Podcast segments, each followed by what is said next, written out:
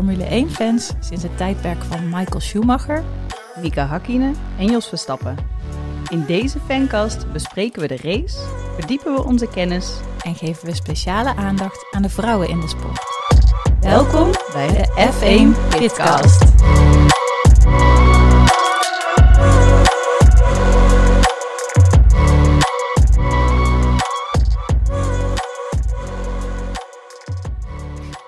We kunnen gaan terugblikken op eh, de start van het seizoen 2023. Voordat we dat gaan doen, eh, geven wij een hele kleine shout-out. eh, en wel naar onze moeder, Josette. Shout-out naar jou. Waarom? Nou, zij stalkt ons op dit moment met artikelen uit alle kranten die ze leest. Op een hele positieve manier hoor, op een mama. leuke manier. Zo blijven wij goed bij. Dus dank voor deze schaduwredactie. Want eigenlijk vervult zij die rol nu voor ons en dat vinden we heel leuk. Nou, vandaag, eh, ja, we nemen op zondagavond eh 5 maart. Hebben we samen de race eh, gekeken. En eh, we dachten eigenlijk de eerste 20 tot 30 rondes eh, wordt een beetje saai. Ja, Maar het venijnt er toch in eh, het einde van de race. En het was echt een droomstart voor Red Bull. ja, ja, het was echt ongelooflijk hoe hard eh, Max er gewoon vandoor ging. Meteen al eigenlijk vanaf de eerste bocht. Ja. Uiteindelijk eh er verschil was, ik weet het niet eens meer. Maar Maar er zijn eh, echt verschillen van meer dan 10 seconden Ja, geweest door zeker, grote ja. delen van de race. Ja. ja, volgens mij ongeveer dat ze bijna de, dat hij een vrije pitstop had gehad, zeg maar. Dus dat hij rond de Ja. 20 seconden eh, zat, vaak wel van, eh, van Ferrari af. Ja, precies. En eh, volgens mij het enige moeilijke moment dat hij heeft gehad, eh, los van dat hij op de radio even heeft geklaagd over eh, terugschakelen, eh, was toen hij bij de podiumceremonie via een heel raar eh, soort van eh, rampje de auto onder het podium moest rijden. dat was het moeilijkste van de race voor Ja, hem. precies. Dus dat zegt genoeg. Na, Na beschouwing.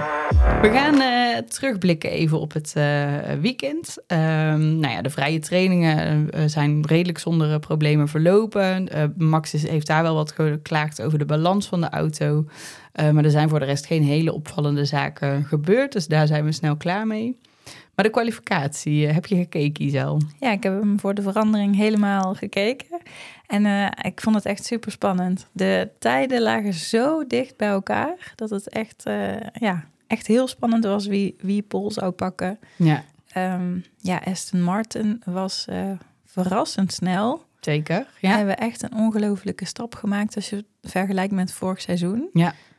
En eh, ja, dat had ik niet verwacht eigenlijk. Eh, Nee. Ik dacht van, oh, Alonso gaat voor het geld kiezen... en die Ja. gaat net als Vettel het einde van zijn carrière een beetje uitzitten daar. Maar ja, ja. die, die hebben echt goede investeringen gedaan, goede mensen aangetrokken... en ja, zaten er nu gewoon super goed bij. Ja, Max die grapt inderdaad in een interview al eh, van... eh, ik ben niet verbaasd dat, onze, dat hun auto zo snel is. Hij lijkt op die van ons. Een van hun engineers van Red Bull is ook overgestapt eh, naar Aston Martin. En je zegt inderdaad, het zat heel dicht bij elkaar. Inderdaad, eh, eh, Max, die uiteindelijk pole position heeft gepakt... Perez en Sainz, dat, dat zat echt aan het einde op...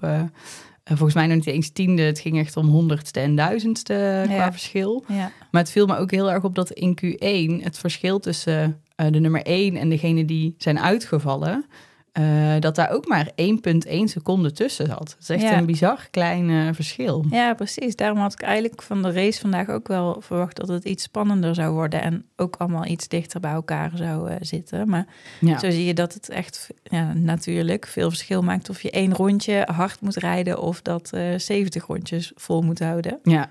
En het viel me tijdens de kwalificatie ook op dat er best wel veel tijden geschrapt zijn, omdat mensen te wijd gingen. Ja. En dat is dan dus dat ze met alle vier hun wielen over een witte lijn, zeg maar de buitenste lijn van het circuit gaan. Mhm. En als je dat doet, dan, dan wordt je tijd afgepakt als het ware. ja. En eh, ja, dat gebeurde best vaak gisteren. Ja, met name Albon, eh, daar is geloof ik wel twee of drie keer zijn tijd eh van geschrapt. Dus Ja, eh, die had er ook veel Hulkenberg. last van. Ja. Ja, die heeft wel eh, Hulkenberg, eh, die is dit jaar weer eh, ingestapt. Wel een coureur met enorm veel ervaring, maar die is er een paar jaar uit geweest. Maar die klopt wel meteen zijn teamgenoot Magnussen. Ja, Vond ik ook en wel interessant. heel knap na een tiende plek met een haast Ja, in de kwalificatie. Dus dat heeft hij heel goed gedaan, ja. ja klopt. En er brak nog iets af bij Charles Leclerc. Hè? Dat, Ja. er vloog iets over de baan wat van onder de auto uit leek te komen. En wat ik dan wel weer grappig vind, is dat ze dan gewoon dus met duct tape eh, Ja. aan de slag gaan om alles aan elkaar te plakken. Ja, het was een heel raar moment. Er gingen wel twee onderdelen vlogen er op een gegeven moment inderdaad van zijn auto af. Ja, En het was echt net in het begin dat hij zijn snelle ronde in Q1 eh, wilde gaan maken. Dus eigenlijk waren we pas net los met de kwalificatie en toen eh, ging het eigenlijk al mis bij hun. ja, Ja. er was nog wel een opvallend moment met hem natuurlijk, dat hij op eh, P2 stond. En Mhm. toen, eh, terwijl een heleboel mensen nog probeerden een laatste ronde in de laatste deel van de kwalificatie een snelle ronde neer te zetten, dat hij eigenlijk al was uitgestapt. En eh, Ja, ja, de handdoek een beetje in de ring leek te gooien. Ja. vond ik ook wel een soort anticlimax. Want ja, het gevecht voor de pol was gelukkig uiteindelijk nog best wel spannend. Maar je dacht toch een beetje van waarom mengt hij zich daar niet nog in? Ja, het argument was dan blijkbaar dat ze dus nieuwe banden, een set nieuwe banden wilden overhouden om de race op te starten. Ja, Ferrari was echt bang voor de, de slijtage tijdens de race. En ehm, dat is misschien ook wel een mooi eh, bruggetje naar de race eh, die vandaag eh, dan dus verreden is, zondag 5 maart. Eh, nou, we zeiden al van het was inderdaad echt de beste start die, die Red Bull kon hebben. Eh, Max zei het ook aan het einde over de, de radio, de start we wanted and needed. En eh, Horner heeft het zelfs over een perfect start. Dus eh, ze waren zelf ook wel echt heel, heel positief. Ik was eerlijk gezegd heel verbaasd, ook bij de kwalificatie trouwens al, dat Stroll toch is ingestapt. Ja, ja ongelooflijk. Het blijkt dus één gebroken pols, één gekneusde pols te zijn. Ja, En ja, dat je daar überhaupt iets mee kan doen. Maar vooral gewoon 70 ronden kan rijden. Of hoeveel rondjes waren het eigenlijk eh, precies? Want 50 uit mijn Oh, hoofd. Ja, 50. Ja, Dat is ongelooflijk. En het was ook al tijdens de kwalificatie dat hij zei van eh, tegen zijn team over de boordradio: ik kan een bepaalde bocht helemaal niet zo strak insturen als Ja. jullie willen. Ja, en dat je dan toch, toch het race ook echt. Ja, hij, hij, hij reed tegen het achterwiel van Alonso aan tijdens Ja. de race ook. Dan krijg je nog eens een lekkere klap op die polsen natuurlijk. ja. Ja. Je zag toen ook in het beeld inderdaad dat zijn hand even helemaal boven op zijn stuurtje zat. Net na die klap. En daarna dan trekt hij hem snel weer zeg maar, naar de positie waar zijn hand in hoort te zijn. Dat je dacht, oh, dit, het, het zag er echt bijna onverantwoordelijk uit, vond ik. eh. En jij vertelde ook dat je zag hoe ze hem de, de auto uittilden na de kwalificatie, toch? Ja, het was echt bizar. Hij werd door drie man van het team ondersteund. Dus volgens mij durfde hij gewoon niet de kracht op zijn polsen te zetten om zichzelf uit de auto eh, te duwen. Dus ze pakte iedere keer twee mensen hem eigenlijk onder de oksels. En dan één iemand die hem vanuit de rug zeg maar ondersteunde. En zo werd hij inderdaad de auto uitgeholpen. Dat je dacht, nou, er was ook wel op een gegeven moment kritiek eh, bij de nabeschouwing bij eh Viaplay. ehm, eh, dat er iemand zei inderdaad van, het, het zou best wel onveilig kunnen zijn. Stel dat hij crasht en hij moet snel zijn auto uit kunnen Mm, ja. moet hij dat wel ook zelf kunnen doen. Nou was een beetje de theorie, ja, ze willen nu geen risico nemen. Als het echt om je leven gaat, dan, dan spring je er waarschijnlijk wel uit, ook al doet het pijn ja, dan je ga je door de pijn heen. Ja. Precies, maar toch, ja, ik vond het wel een beetje op het eh, randje inderdaad. Ja. Ja, ik vroeg me al af van, d- stel dat hij bij een ander team had gereden dan het team van zijn vader. Eh, of het had gemogen. Ja, precies. Hadden ze dan niet gewoon tegen hem gezegd: hey, jij blijft even thuis en jij gaat even herstellen. Ja, Maar eh, nou ja, wat jij al zei, omdat ze dit jaar zo er goed bij zitten, Aston Martin, terwijl ze vorig jaar bij eh, ja, de back of the grid zaten, zeg Mhm. maar. ehm, is het natuurlijk belangrijk voor hem dat hij ieder punt kan pakken in, Ja. in de race om het kampioenschap. Dus Ja. in die zin snap ik het. Ja, want ik weet niet of we dat een keer al hebben uitgelegd. Stel dat eh, in dit geval bijvoorbeeld Drogovic hun tweede of een testrijder zou zijn ingevallen, krijgt het team wel de punten als hij dan punten zou rijden. Maar ze blijven wel op de naam van Drogovic staan. Dus als Stroll dan weer instapt, dan ja, krijgt hij die punten natuurlijk niet. Dus inderdaad, ja, in die zin snap ik wel dat hij alles mee wil rijden. Maar ja, het was wel een beetje op het randje van eh, hadden ze dat ook moeten doen eh, eigenlijk. Nou ja, we zeiden al, eh, nou ja, het begon een beetje saai. Eigenlijk in het begin eh, zaten de grootste gevechten tussen Mercedes en eh, Aston Martin. Zowel Russell als Hamilton, die allebei Alonso en eh, Stroll een aantal keer gepasseerd zijn. en het was op een gegeven moment met Hamilton en Alonso ook even een beetje een stuivertje wisselen, een paar bochten lang. Ja, Alonso heeft sowieso wel de smaak gebracht deze race. Die heeft denk ik het meest ingehaald van iedereen. Ja, En sowieso leuk om hem eh, weer van voren mee te zien rijden. ja. En eh, hij verdient ook wel echt de erekrans. Hij heeft, eh, hij heeft de race spannend gemaakt voor mij, zeg maar. Ja, ja zeker. Ja. ja, en een ander team wat er helaas een beetje in een negatieve manier uitsprong, was voor mij toch wel McLaren.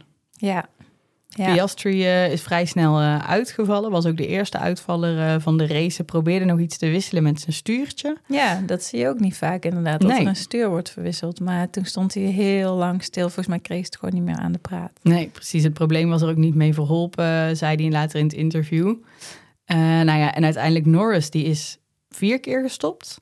Ja, vier, vijf keer of zo. Ze moesten Ja. altijd iets bijvullen, wat, wat ze normaal ook niet doen bij pitstops en zo. Nee, en iedere keer de banden wisselen. Ja, op een gegeven moment dacht je bijna, rij hem gewoon de pitbox weer in. Want dit gaat echt, eh, hij reed op een gegeven moment bijna meer dan een minuut eh, van de nummer 19. Dus het Ja. was echt bizar. Ja, En eh, Ferrari natuurlijk ook weer hè, met een ploffende motor van Leclerc, die dus is uitgevallen.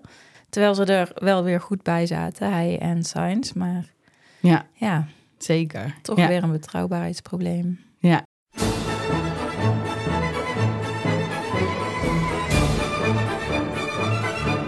Nou, je hebt al eh, een beetje verklapt inderdaad wie we deze race de erekrans eh, geven. Die gaat inderdaad wat ons betreft naar Alonso. Ja, op het podium. Hij is derde geworden.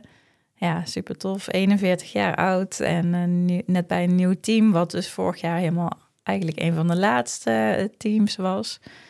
Ja, Ja, vorig jaar waren ze middenmoot, maar zo competitief als ze deze race eh, waren. En ook tijdens de test inderdaad al leek. eh, ja, nee, dat had niemand volgens mij eh, verwacht. Ik heb ook heel erg genoten nog van zijn, eh, eh, eh, eh, hoe noem je dat, de radio zeg maar met het team, eh, de teamradio. Waarin hij zei, this is a lovely car to drive. ja.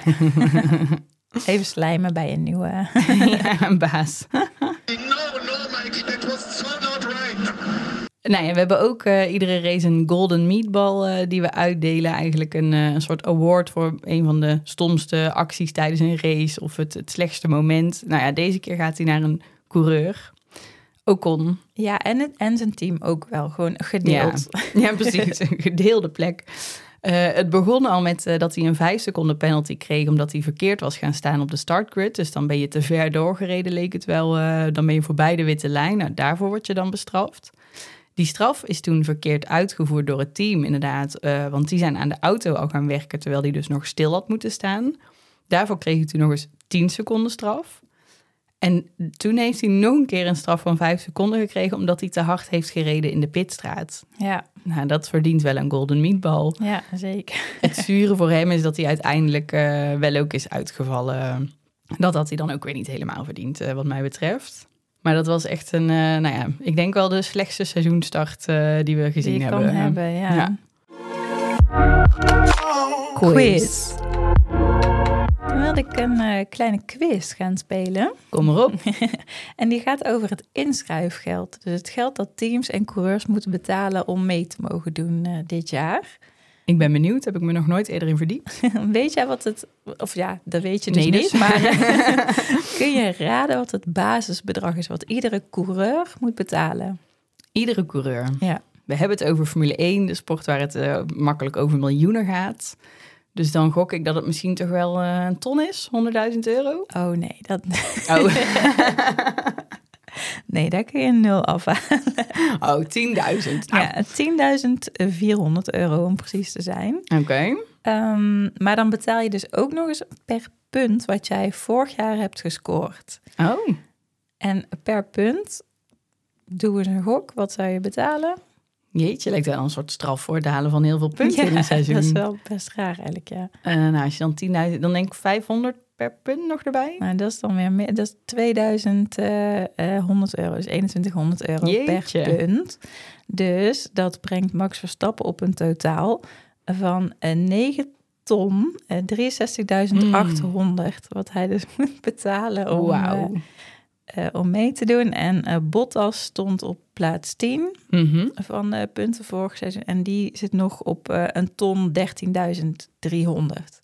Echt? Ja. Jeetje. Ja, dus dat zijn echt flinke bedragen. Nou, inderdaad. Ehm, ik, als ik dan coureur zou zijn, vroeger eh, was de puntentelling heel anders. Toen was het volgens mij, kreeg de nummer 1 maar iets van 10 punten of zo. Dat is nou 25 worden. Dan zou ik weer voor herinvoering van dat systeem gaan. eh. ja, maar misschien moesten het toen wel 5000 betalen per punt. Zou kunnen. En dan de teams. Ehm, Red Bull heeft vorig jaar eh, 759 punten behaald. Mhm. Wat zouden die moeten betalen om zich in te schrijven? Eh, want dat is alleen gebaseerd op de punten dan. eh.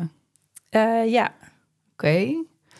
Eh, met zeven, meer dan 700 punten doen we zo'n gok eh 40.000. 6 miljoen Ah, 242.636 euro. wauw. Ik vind het moeilijk om het bedrag uit te spreken. Zoveel is het. en dan Williams, 8 punten gehaald Ja. vorig jaar. Die betalen eh 667.000 en eh, 79 euro. Jeetje, wat een bedragen, hè? Ja. Ja. Maar Ja. ja. Ja, we hadden het al wel even over eh, hiervoor. Van, jij zei van, oh, daar ben ik inderdaad nog Mhm. mee bezig geweest. Maar inderdaad, ja, ze moeten ergens geld vandaan halen om alles te organiseren natuurlijk. Dus nou, Ja. dat, dat komt eh, voor een groot deel, denk ik, Ja. van teams en de coureurs. En het is wel grappig, want in onze pilotaflevering hebben we het gehad over wat het vervolgens ook weer oplevert als je als team een kampioenschap wint. En dus het is ergens ook wel een soort broekzak, vestzak. Je krijgt geld omdat je hebt gewonnen en vervolgens moet je dus meer betalen om je weer in te schrijven, omdat je heel veel punten had het jaar daarvoor. ja, Dus, misschien eh, moeten we voor volgende keer even dat rekensommetje maken. Van Ja. Wat hebben ze nou eh, vorig jaar gewonnen en wat moeten ze nu inleveren, zeg maar. Wat, ja, wat is je saldo? Ja, waar je mee begint. Je speelgeld. Ja. Goed idee. F1 voor dummies. Dan gaan we naar eh, de F1 voor dummies. En deze aflevering gaan we het begrip DRS uitleggen.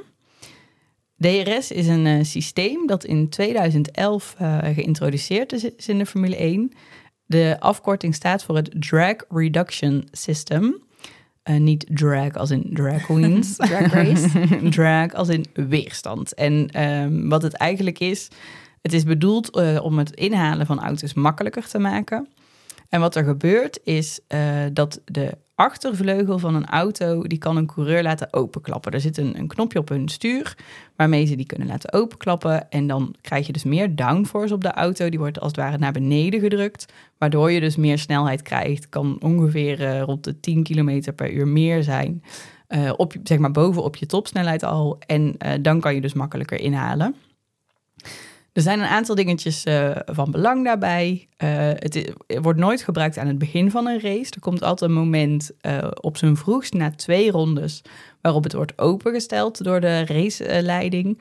Dus dan komt er een melding in beeld, DRS enabled.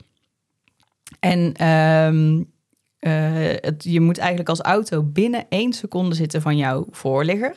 Dus je kan het als nummer één in een race nooit hebben, want dan heb je niemand voor je op dat moment.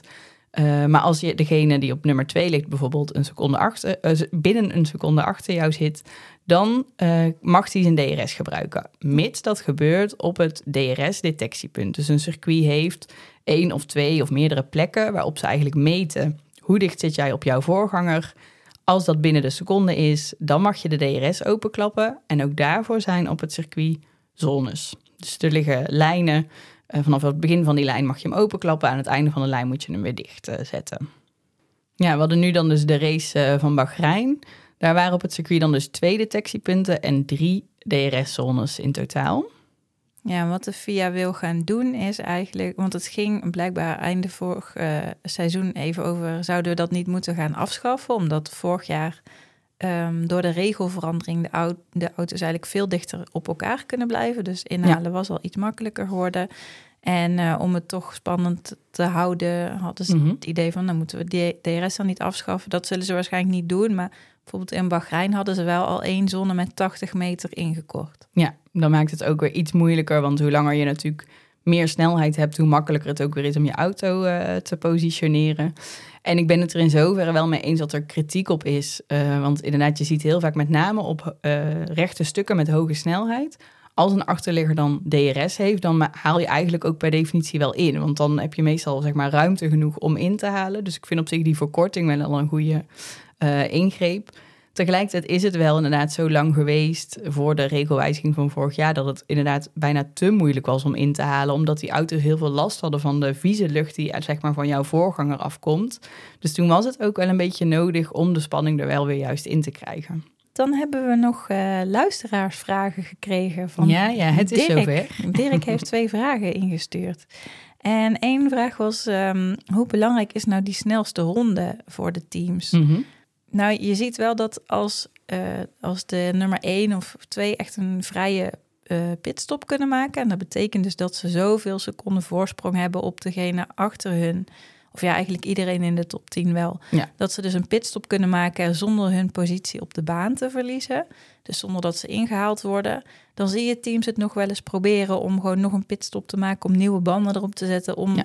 die snelste ronde proberen te pakken. Om dat pu- ene punt dus te pakken. Omdat Mhm. ja, het kan. Dat hebben we in eh, 21 eh, gezien. Ja.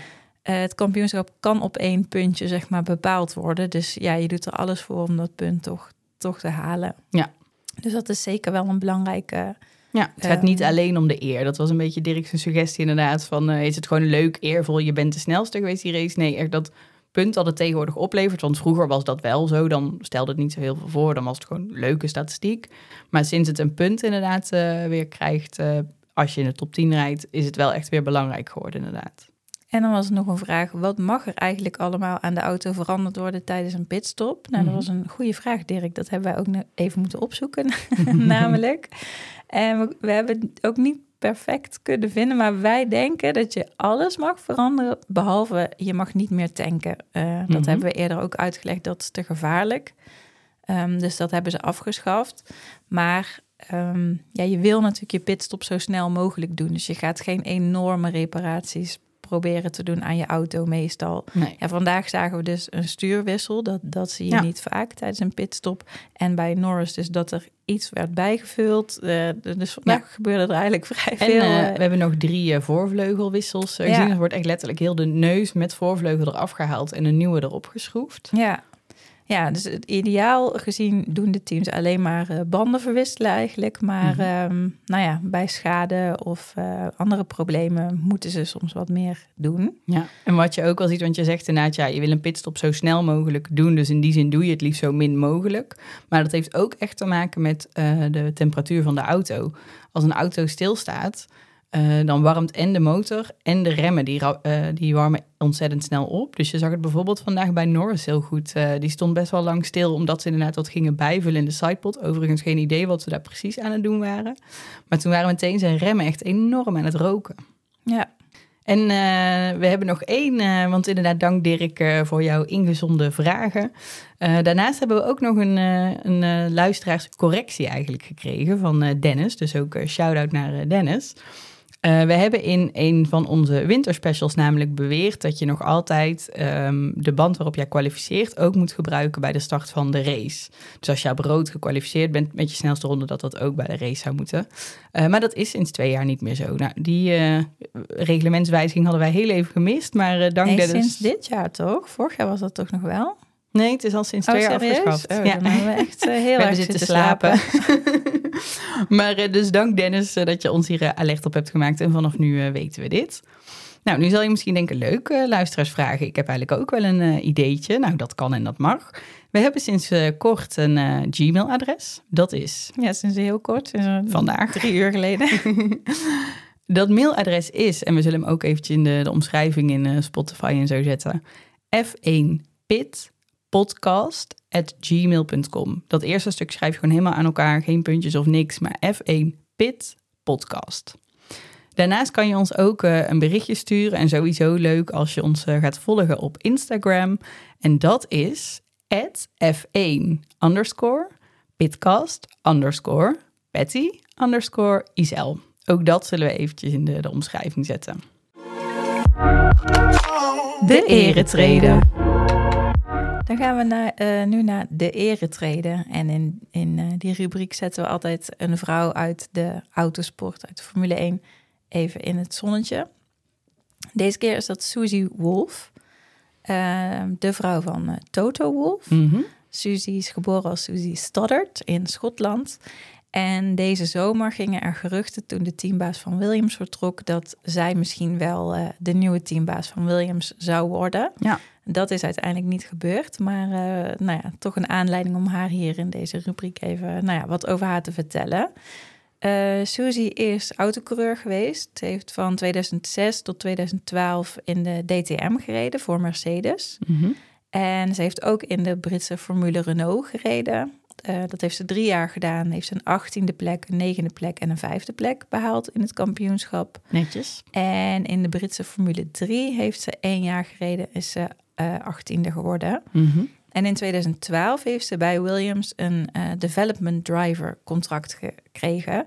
Maar pas in 2014 Mhm. heeft ze ehm, voor dat team eh, twee trainingen mogen rijden in, het, eh, in dat seizoen. En dat heeft ze in 2015 nogmaals mogen doen. Dus de twee trainingen gereden. En daarmee was ze eh, de eerste vrouw sinds 22 jaar die in een eh, raceweekend in actie is gekomen in de Formule 1.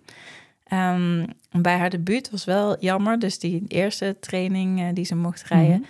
Toen begaf de motor het al na vier ronden. Dus dat, dat was snel afgelopen. Dan heb je wel pech. Ja. In 2016 heeft zij Dare to be Different geïnitieerd. En dat is een programma om vrouwelijk talent te inspireren. En participatie van vrouwen in de motorsport te stimuleren. En op alle aspecten, dus niet alleen als coureurs, maar Mhm. ook als engineers en, eh, en eh, alles wat er omheen zit. Mhm. En mede daardoor, denk ik, is zij in 2017 benoemd tot Master of the British Empire. Dus Wauw. Orde van het Britse Rijk. Een onderscheiding gekregen. Dit eh, moest ik nog opzoeken, maar dan mag je dus MBE achter je naam eh, schrijven, zeg maar. Dat is dan een beetje als wanneer je een, eh, een universitaire studie haalt en Ja, je mag eh, precies. Master of Science, zeg maar, Zo erachter. klinkt het wel, ja. Precies, hij is dan Master of the British Empire. Vet.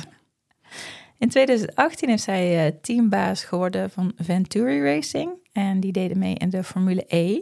Daar was ze ook aandeelhouder van, van dat team. Mhm. En onder haar leiding zijn, is dat team een partnerschap aangegaan met Mercedes.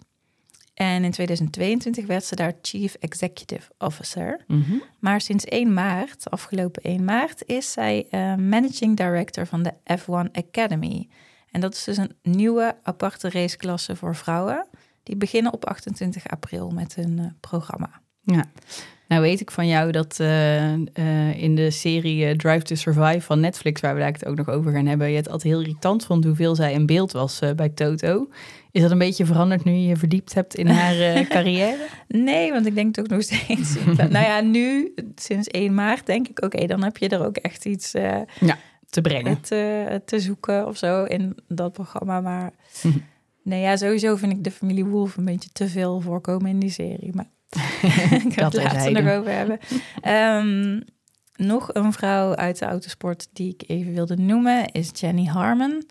Want eh, dit, jaar, dit, eh, dit afgelopen weekend heeft Haas ehm, en met een tribute aan haar gereden. Op de neus eh, stond haar naam.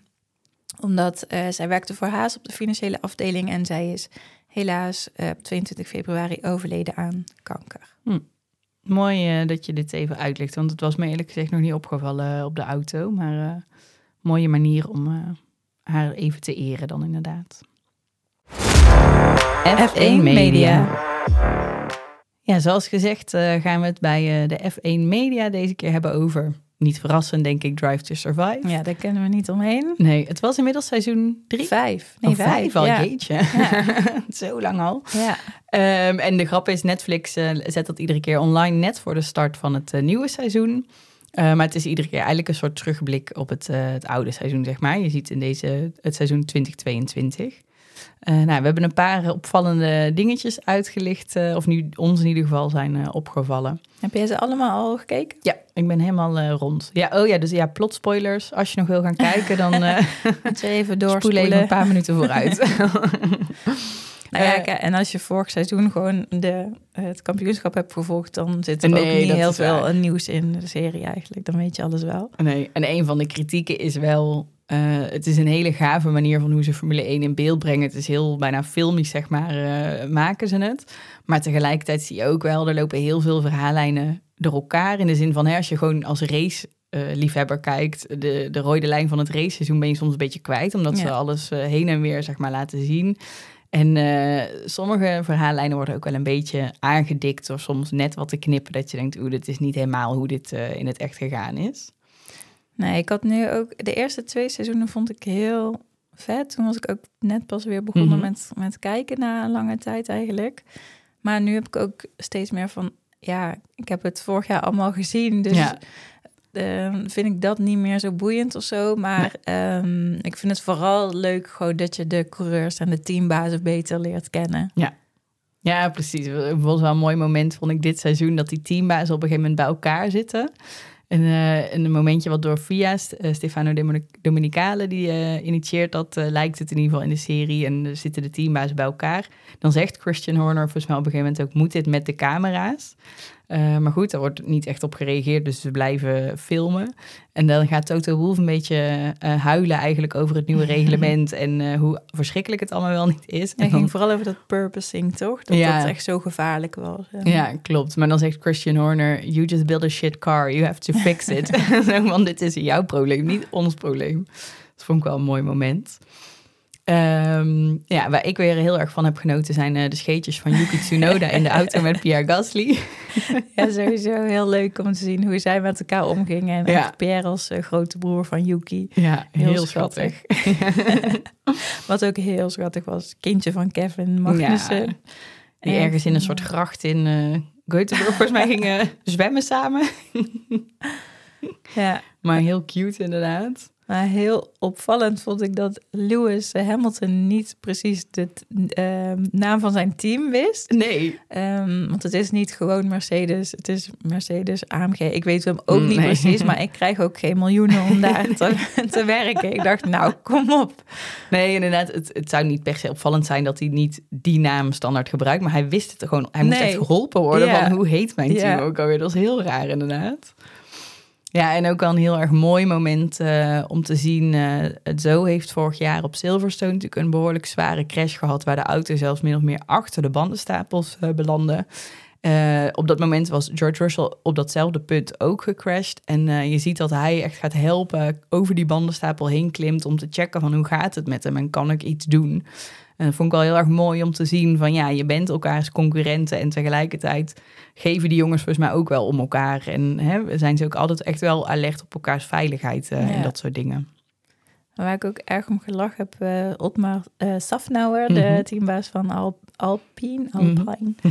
Ehm, die Frans eh, oefent, eh, die, die kwam dan vorig jaar nieuw bij dat team en die zat dan Frans te oefenen in de Ja. auto. Dus hoor je hem zo, bonjour. zo hele simpele Franse woordjes. Dat vond ik denk ik sowieso misschien wel de meest boeiende aflevering. Ehm, Mhm. dan gaat het dus over hoe Piastri, dat was altijd hun, eh hun reservecoureur eigenlijk, hun testcoureur. En ja, ze hadden dus allemaal verwacht dat hij ehm, naar dat team zou komen als daar een zitje vrij zou komen. Omdat ze, nou ja, iets, wat zeiden ze, 4 miljoen al in hem ge, Hij zat eigenlijk in hun talentprogramma, ja, in hun. Ja. talentprogramma. En nou ja, die is dus uiteindelijk toch naar McLaren gegaan. En die hele gang van zaken vond ik wel heel... eh, ja, sowieso was echt zielig, want die Otmar was al heel erg verbaasd van dat Fernando Alonso wegging bij het team. Mhm. Van, had hij zoiets van, ja, wat een gebrek aan loyaliteit eigenlijk. En dan, nou ja, Ja, oké, maar dan dat. gaat Piastri wel naar ons. En die ging toen ook niet naar hun. Dus Ja. toen was hij ook zo van, nou, niemand is loyaal aan het team. Een beetje sneu, inderdaad. Ja. ja. ja, en over teambazen gesproken, wat ik wel echt heel indrukwekkend vond, was Christian Horner als niet alleen teambaas, maar ik vind hem ook echt wel een leider in het team, zeg maar. Als je hem zo ziet hoe hij opereert, of nou ja, wat ze laten zien, hè, dat is natuurlijk wel zo. Ehm, en vond ik vooral ook ehm, eh, in de race in eh, de Verenigde Staten, in Amerika. Toen was net de baas van Red Bull overleden, Mateschitz. Dus van het bedrijf Red Bull, niet van eh, het racing eh, tak, zeg maar. En hoe hij daarmee omging en van nee, ik moet dit mijn mensen vertellen, vond ik echt ook wel heel erg indrukwekkend. En dan, dat is inderdaad wel het mooie inkijkje wat je echt wel achter de schermen krijgt door deze serie. Ja.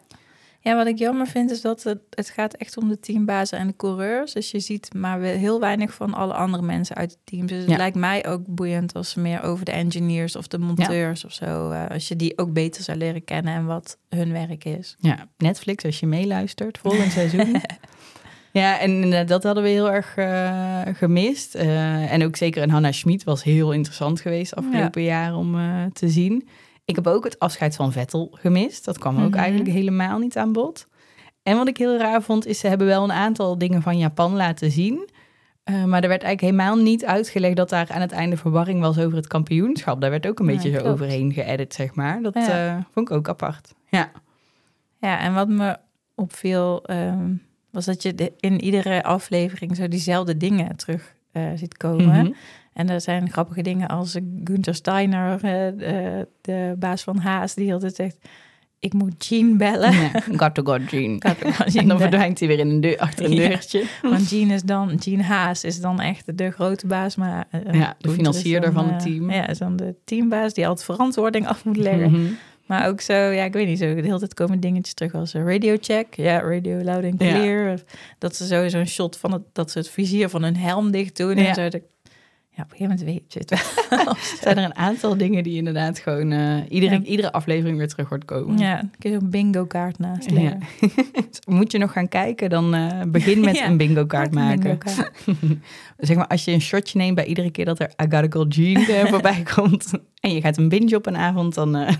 Nou, wat ik wel heel leuk vond, was dat eh, eh, WTF1, Mhm. eh, dat is een, ook een platform over Formule 1, die hebben nu dus telefoonhoesjes gemaakt met die quote en truien ook ja, trouwens. en dan het hoofd van Gunther Steiner Ja, erbij, toch? heel In cartoonvorm.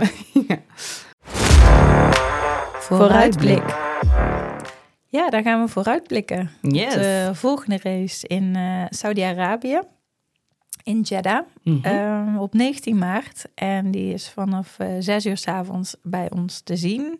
Ja, bij Ehm, ons. Ja, in Nederland op je tv. of je laptop. En dat is in het op het Jeddah Corniche Circuit. En dat is een stratencircuit. Mhm.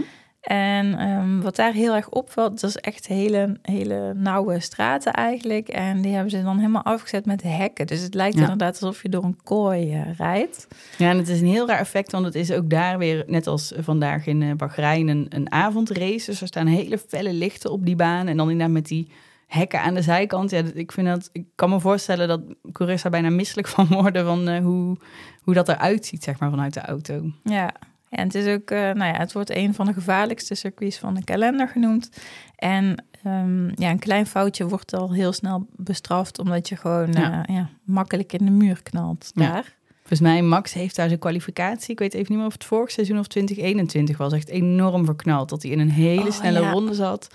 En toen net echt de laatste drie bochten, geloof ik, toen eh, zat hij in de muur. Dat was echt heel, ja, heel dat verdrietig. was in 21. Was Ja, het, ja, ja. En vorig jaar hebben we er eh, een van de crashes van Mick Schumacher gezien. eh, die echt, eh, er zijn twee momenten met hem geweest dat ik dacht, oh, je zal zijn moeder maar zijn. Weet je wel, Mm. jouw, jouw vader ligt al in een hele ingewikkelde situatie thuis en dan wil zij dit niet zien. Want daar was zijn auto echt letterlijk doormidden. De, gewoon het achterstuk met de motor lag gewoon op een andere plek dan die voorcockpit. en het gekke is, hij loopt daar dan gewoon uit zonder een schrammetje. Dat je denkt, oh ja, zoveel beter is veiligheid inmiddels dus wel eh, geworden. Maar dat kwam inderdaad wel door Drive to Survive dat ik besefte, oh, hij is echt wel vaak gecrashed en Ja. flink ook. Weet je? Ja. ja. Een paar harde klappers gemaakt vorig Ja. jaar. Nou, wat vorig jaar in, in eh, Jeddah ook nog gebeurde, was dat er op vrijdag, de dag van de vrije training, een raketaanval was op een eh, olieopslag die dicht bij het circuit lag. Mhm. Ehm, door de Houthi-rebellen uit Jemen. En eh, toen is er dus ook nog sprake van geweest van, ja, wat moeten we doen? Moeten we hier Ja. weg? Is het veilig genoeg om te racen?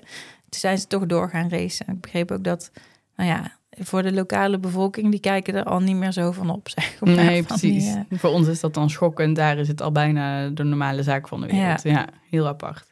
Ik heb net nog een beetje geprobeerd te zoeken of er op dit moment eh, sprake is van onrust in het land, maar ik heb niks kunnen vinden. Dus of er wordt hier niet over geschreven, of het is er op dit moment gewoon eh, rustiger. Ja. Nou, dat was hem dan weer. ja, Dank jullie wel voor het luisteren. En eh, we hopen jullie weer, eh, dat- of dat jullie Over weer naar ons luisteren over twee weken. Yes, tot dan.